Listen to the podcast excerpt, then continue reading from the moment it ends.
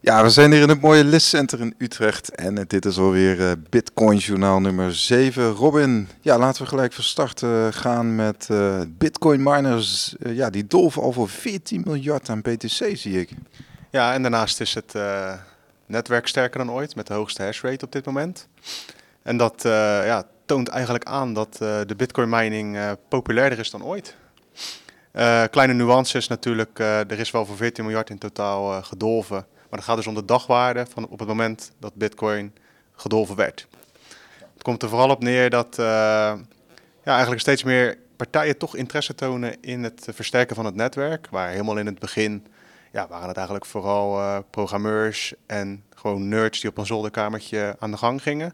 En het is uitgegroeid tot een miljardenindustrie waar echt flink geld in gestopt wordt en flink geld te verdienen valt. Ja. Zoals recentelijk uh, Blockstream uh, heeft ook aangekondigd dat ze in de Bitcoin mining gaan. Ze gaan een eigen facility organiseren met een eigen protocol. Um, een aantal, ja, ga maar. Nou ja, goed, je zegt alle bitcoin is gedolven. Alle bitcoin die er nu is, die is gedolven. Dus we, zitten uiteraard nog niet op de 21 miljoen. Uh, en misschien goed om even uit te leggen wat, hè, wat een miner doet. Hè? Want zij delven de bitcoin, maar je hebt ook nog de nodes die zeg maar, de transacties valideren. Dat in principe doen de miners dat niet. Nou, wat de miner doet is gewoon, uh, dan is gewoon, die lossen het blok op, zeg maar. Elke keer, uh, om dit ongeveer 10 minuten wordt er een blok opgelost. Dan komt erop neer dat in dat blok zitten verschillende transacties. En de miners die verwerken die transacties. Die krijgen een beloning in de vorm van een blokreward. En eventuele transactiekosten die daarbij gemoeid zijn bij elke transactie die zij verwerken. Die krijgen ze ook uh, op de balans uh, erbij. Dus dat komt erop neer dat als je goed bezig bent met uh, bitcoin mining en je hebt de juiste apparatuur, dat je om de 10 minuten kans maakt op op dit moment 2,5, 12,5 bitcoin. En volgend jaar gaat dat naar 6,25. Dus het is nu nog eventjes een vetpot misschien. En over een klein, nee, ruim half jaar, dan gaat het door de helft. Dus het is dan de vraag hoe het dan ervoor staat. Ja, want er zijn natuurlijk een aantal vragen die je daarover kan stellen. We hebben gezien bij Litecoin halving dat, uh, dat met name de, de, wat we zo hier en daar lazen, de, de, de miners zeg maar, met de oude apparatuur, die schakelden toch af. Omdat um, ja, het, was, het was niet meer uh, rendabel om, um, om Litecoin te minen. Waardoor die hash rate van, van het Litecoin netwerk uh, flink daalde. Ik weet niet precies, maar tientallen procenten volgens mij. En uh, nou goed, dat, dat is dus wel een risico wat, uh, wat ook voor Bitcoin geldt. Of hoe kijk jij daar tegenaan? Het is altijd de vraag hoe de markt reageert op nieuwe veranderingen. Het is natuurlijk een voordeel dat het allemaal van tevoren uitgetekend kan worden. Iedereen kan er van tevoren op anticiperen. En ja, we gaan het wel zien. Tot nu toe, wat ik eerder zei, de hashrate is hoger dan ooit. En we hebben al een paar halvenings gehad. Dus het is niet zo dat uh, we daar nu met z'n allen wakker van hoeven te liggen. Uh, want het komt er ook op neer. Stel dat er minder miners gaan mijnen, dan wordt de, uh, de moeilijkheid gewoon aangepast, zodat het netwerk nog steeds blijft draaien. Het is niet zo dat als er nu twee grote partijen in één keer zouden stoppen, dat het hele netwerk in elkaar dondert. Ja. Nou, we hadden laatst ook een goede vraag, vond ik, in de chat. Hè. Daar, daar, vroeg iemand van, ja, maar hoe, hoe zit het nou eigenlijk? Hè? De bitcoin is helemaal gemined. Hoe, hoe, hoe, hoe hou je het zeg maar, aantrekkelijk voor miners om het netwerk te onderhouden? En daar heb jij een antwoord op. Heb ik daar een antwoord op? Ja. nou ja, wat het nu is, het vooral gewoon de block reward natuurlijk. Uh, ehm, 12,5 uh, bitcoin is niet niks als je dat uh, bij kunt schrijven. Zeker als je daar structureel kans op maakt. Want dat is natuurlijk het ding. Je wil zo goed mogelijke hardware om zoveel mogelijk kans te maken om elke keer het blok op te lossen. Uh, de oplossing is eigenlijk gewoon uh, al in de code, dat zijn de transactiekosten. Uiteindelijk moet het netwerk gedragen worden door transactiekosten, door de gebruikers in dit geval die uh, een Bitcoin-transactie willen doen. En dat komt uiteindelijk bij de miners terecht. Dat is nu ook al, maar de blokreward neemt om de vier jaar af. Stel dat die transactiekosten vrij laag zijn, dan, dan moet je gewoon zoveel mogelijk transacties over dat netwerk uh, heen uh, kunnen, kunnen zenden, zeg maar, waardoor het aantrekkelijk blijft. Ja, het is een, kijk, nu ga ik een beetje gewoon filosoferen. In de zin van, als bitcoin-transacties heel goedkoop zijn, dan is het misschien wel aantrekkelijker om weer bitcoin-transacties te gaan doen. Als bitcoin-transacties aantrekkelijker zijn om te gaan doen, gaat de prijs van het netwerk omhoog. Dus een soort van, uh, ja, bitcoin hangt aan elkaar van interessante incentives om de prijs omhoog te krijgen. Want in dit geval, hoe het nu ervoor staat, miners zijn natuurlijk gebaat bij een hogere prijs. Maar de gebruikers die het bezitten ook. Eigenlijk de enige mensen die daar niet bij gebaat zijn, zijn de mensen die het nog willen kopen.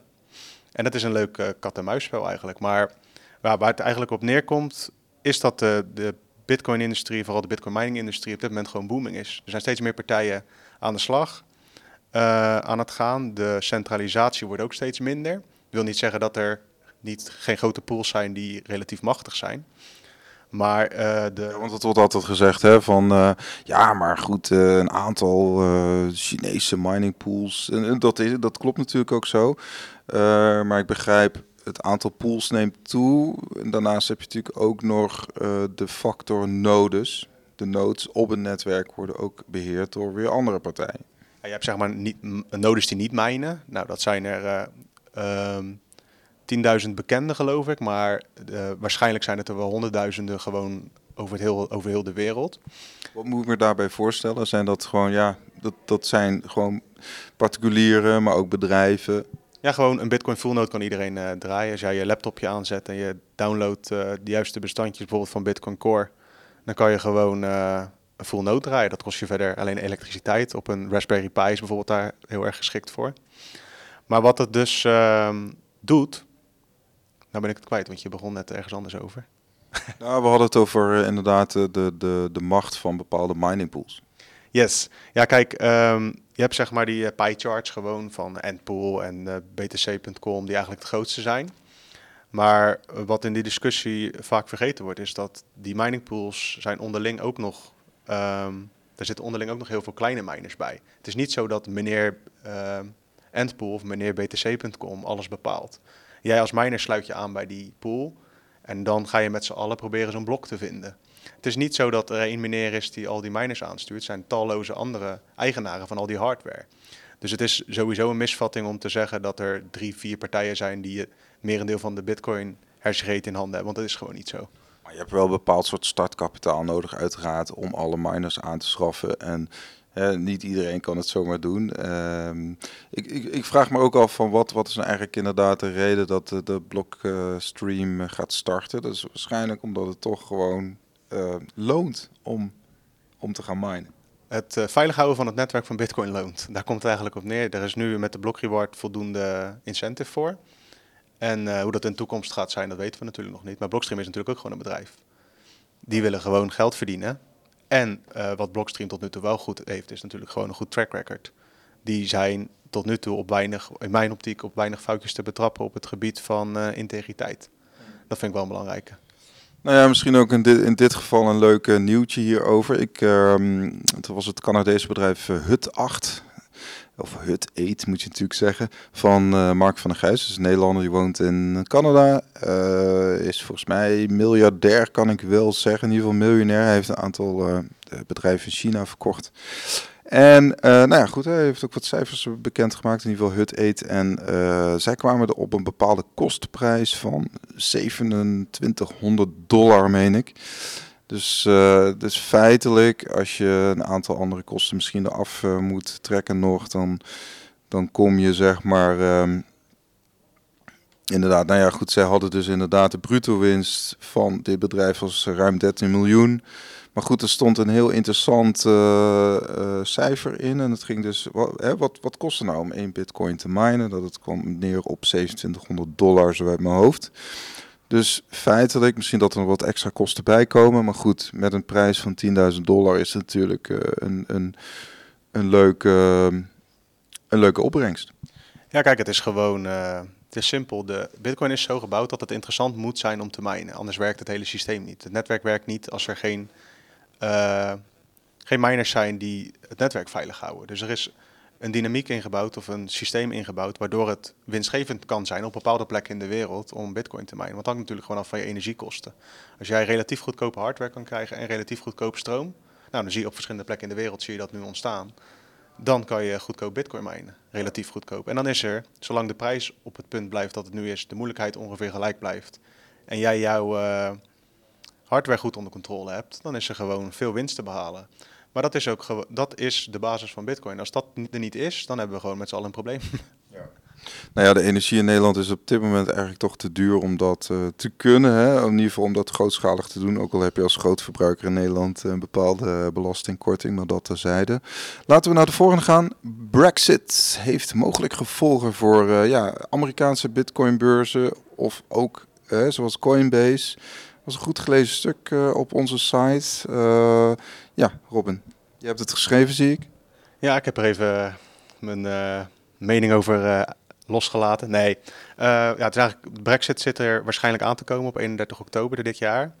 En dat heeft gewoon gevolgen voor alle partijen binnen de Britse gemeenschap die met buitenlanders handelen, even simpel gezegd. In het geval van Coinbase, zij regelen hun Euro-wallet met een in uh, Engeland geregistreerde bank, of in ieder geval financiële dienstverlener. Ja, ze zaten eerst bij Barclays volgens mij. Ze zijn onlangs geswitcht, toch? Ja, ze hebben een, uh, een eigen bedrijfje. Moet ik even zoeken. CB Payments heet het gewoon. Nou, Coinbase Payments dus. maar die, als er geen regels komen bij Brexit, bij een no-deal Brexit, dan weten zij dus niet wat up. Er zijn geen, er zijn geen scenario's voor. Dus dan moet je wat anders bedenken. Nou, Coinbase lost het toevallig redelijk op, zeggen ze in het persbericht, dat ze gewoon naar een andere dienstverlener gaan binnen Europa. Nou, dan is het in principe opgelost. Maar het toont eigenlijk aan, ik vind het een belangrijk nieuwtje om te laten zien dat um, landen geen uh, invloed hebben op het netwerk zelf. Niet echt. Kunnen ze natuurlijk wel op andere manieren uh, het bemoeilijken of het, de, het ecosysteem veranderen. Ja, als je kijkt naar verkoop, distributie van bitcoin, uh, ja, daar kan regulatie natuurlijk wel een rol in spelen uiteraard. Ja, en dat is eigenlijk, dan laten we deze kort houden. Dan gaan we gelijk naar de volgende hete hangijzer. Ja, dat is de DNB. Ja, dat was gisteren in het nieuws, of deze week in het nieuws moet ik zeggen. Um, nou, heel kort samengevat, DNB heeft een persbericht uitgedaan waarin ze zeg maar aankondigen dat ze toezicht gaan houden op de Nederlandse cryptosector. Feitelijk is het niet heel erg nieuwswaardig, maar wel in die zin, uh, hoe zou ik het zeggen? Het geeft in ieder geval aan dat de DNB een actieve rol op zich neemt. Hè? Dus uh, aangeeft, nou, uh, sector, ga je bij ons melden, maak je bekend. Weet je wel, wat voor bedrijf zijn jullie, wie zitten erachter, wie zijn jullie bestuurders, wie zijn jullie commissarissen mogelijk. Ze willen gewoon grip krijgen op, ja, op deze sector. Hè? ik sprak gisteren de woordvoerder en die geeft ook aan van ja dit zijn nieuwe aanbieders die eigenlijk uh, in het oude, oude uh, toezicht gaan vallen. Um, juist omdat zij zitten ook weer op dat scharnierpunt, dat, dat woord gebruikt hij. Het scharnierpunt tussen de, de nieuwe en het, eigenlijk, en het oude financiële stelsel. Um, waarbij er dus gewoon euro's naar een nieuwe asset gaan. In dit geval bitcoin of een andere cryptomunt. Uh, nou ja, dat heeft nogal best wel wat, uh, wat impact natuurlijk. Uh, want al die bedrijven moeten gewoon procesmatig alles gaan inrichten. Hè? Uh, ze moeten alle ongebruikte transacties gaan melden. Ze moeten zeg maar al hun antecedenten opgeven. nou, dat is een registratieplicht. Dus het heeft al met al gewoon moet je daar waarschijnlijk een externe adviseur voor in, inrichten. Wil je, wil je hier volledig zeg maar, compliant mee zijn met deze uh, ja, het is een Europese uh, anti-witwasrichtlijn uh, die, die eigenlijk Nederland gaat implementeren. Ja, het is niet dat DNB dit zelf bedacht heeft. Het is gewoon, zijn Europese richtlijnen. Maar het heeft dus wel echt groot effect op de Nederlandse markt, waarschijnlijk. Want vooral als ik dit, toen ik dit nieuwtje hoorde, dacht ik eigenlijk gelijk, oei, kleine partijen die niet het budget hebben voor een specialist op dit gebied, hebben gewoon wel een probleempje. Als jij helemaal compliant of volgzaam wil zijn aan deze richtlijnen, dan uh, heb je daar gewoon iemand voor nodig met de kennis over deze richtlijnen. En die kosten gewoon normaal gesproken gewoon geld. Uh, kijk, de grote jongens die verdienen in principe gewoon genoeg, uh, die rijden genoeg omzet om waarschijnlijk wel iemand op de loonlijst te kunnen zetten. Of in ieder geval tijdelijk in te huren om dit soort zaakjes te gaan regelen.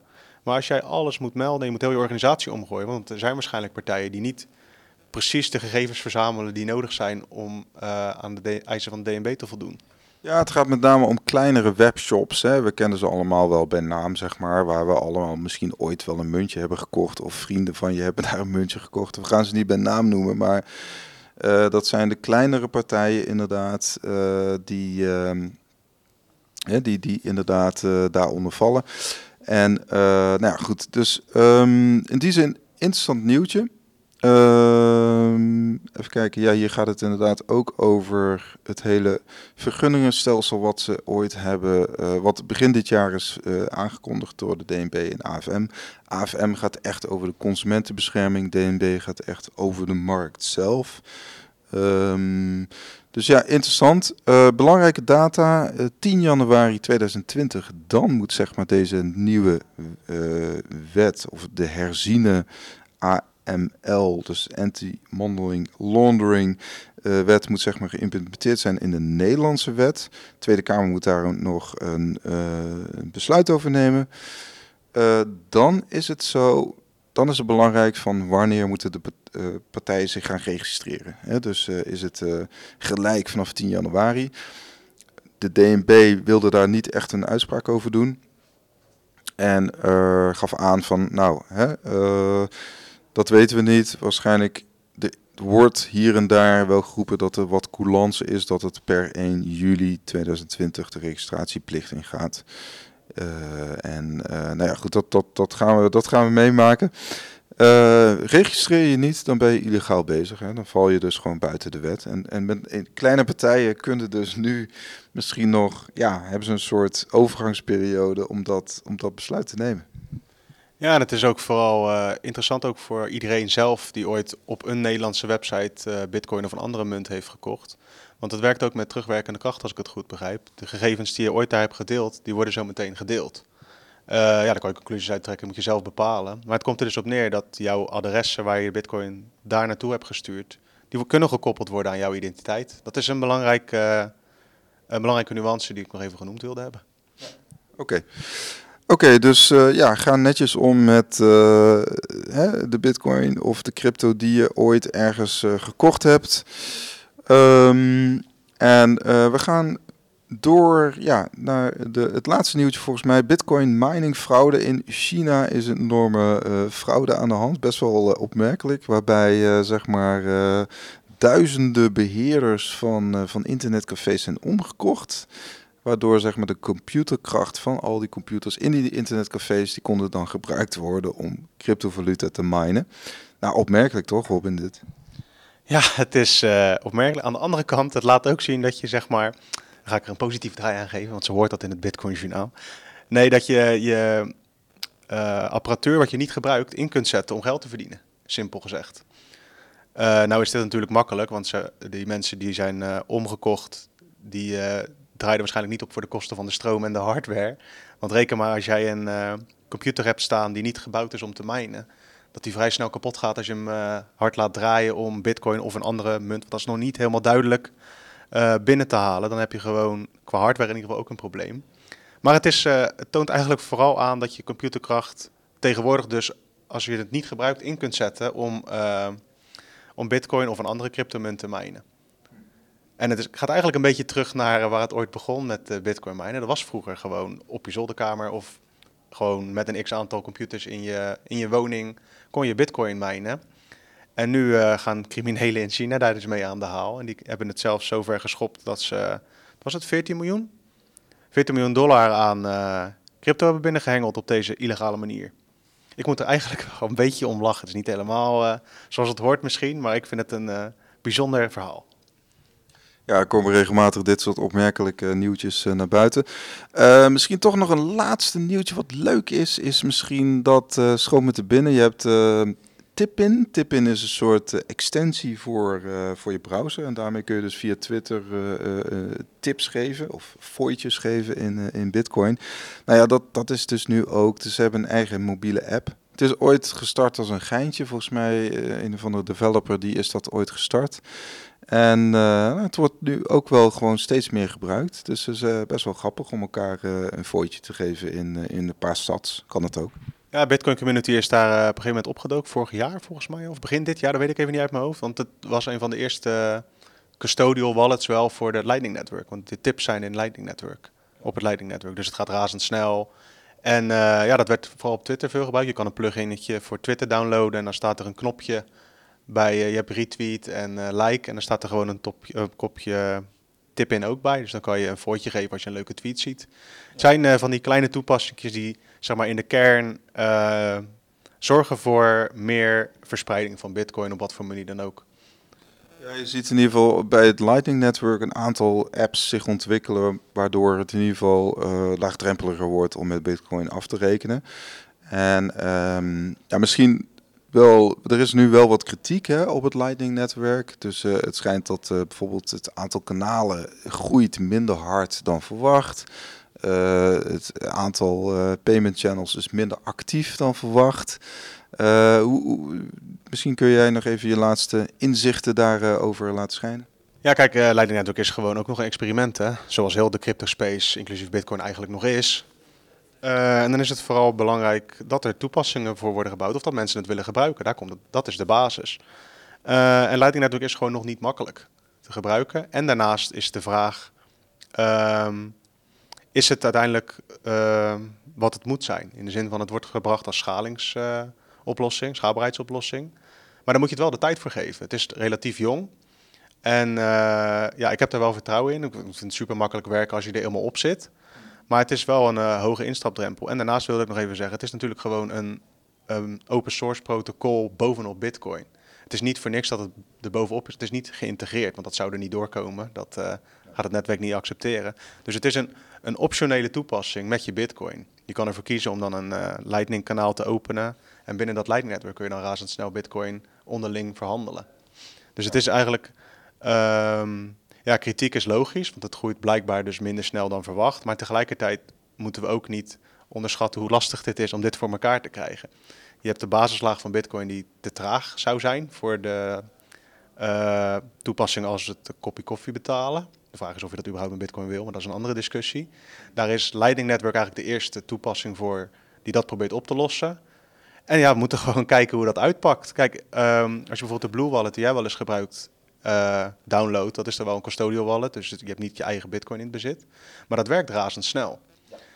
De vraag is alleen, uh, gaat het toepassingen vinden? En daar wordt nu aan gebouwd. Dus tip-in is een geinige, maar je kan ook bijvoorbeeld denken aan, uh, dan gaan we wat dieper is met money streaming. Dan betaal je gewoon per milliseconde bij wijze van in een 0,0001 satoshi voor als je een video kijkt. Dat zijn toepassingen die nog, ja dat is echt heel vet, maar die zijn nog uh, niet gebouwd. De theorie is er en de, op het Lightning Network kan dat, maar we zijn daar nog niet. Dus het is nog een beetje te vroeg om het af te schieten, omdat het minder hard zou groeien dan gepland. Maar tegelijkertijd kan je best wel kritisch over zijn en uh, ook de moeilijke punten daarvan benoemen. Zoals bijvoorbeeld, uh, als je een kanaal wil openen, moet je toch een transactie doen op het Bitcoin-netwerk. Ja. Als iedereen dat tegelijk wil doen, stel dat er zo meteen weer een hype komt en iedereen wil ook een, een Lightning-netwerk uh, node of een kanaal, dan heb je gewoon een probleem, want dan wordt het netwerk ook weer overspoeld. Nou is dat allemaal wel te voorkomen, of te, nee, te overkomen. Maar uh, dat gaat wel nog even duren, denk ik. Nou, laten we toch eventjes uh, afsluiten met, uh, met heel even een korte blik op de markt. Hè. We, we zagen dat ja, Bitcoin is afgelopen week ook weer door die 10.000 heen gegaan. Er, er zijn twee, uh, zeg maar de komende tijd wel twee opmerkelijke dingen. Natuurlijk Bakt begint 6 september uit mijn hoofd, zeg maar een beetje echt met het testen zeg maar, van, uh, van klanten. Of in ieder geval het echt onboarden van klanten. En volgens mij gaan ze echt live met de handel op 23 september. Dat is, dat is er eentje. Afgelopen week, gis, ja, afgelopen week moet ik zeggen, hadden we de hadden we van Eck. Dat is zeg maar, die wil heel graag een Bitcoin ETF. Uh, nou, dat komt er bij de SEC niet door. Nu hebben ze wel een soort trustfonds uh, gestart. Echt wel gericht op de grote jongens, zeg maar, hedge funds en pensioenfondsen, institutionele beleggers. Dus niet, geen, geen retail. want de Bitcoin ETF is gewoon retail. Hè? maar dit trustfonds niet. Dat bestaat al langer, dat is niet heel erg vernieuwend. Ehm, maar goed, dat kan ook nog wel impact hebben op, uh, op, op, op de markt. Hè. Dus die, de definitieve uitspraak over die Bitcoin ETF van, dat is, de, uh, dat is in september en oktober.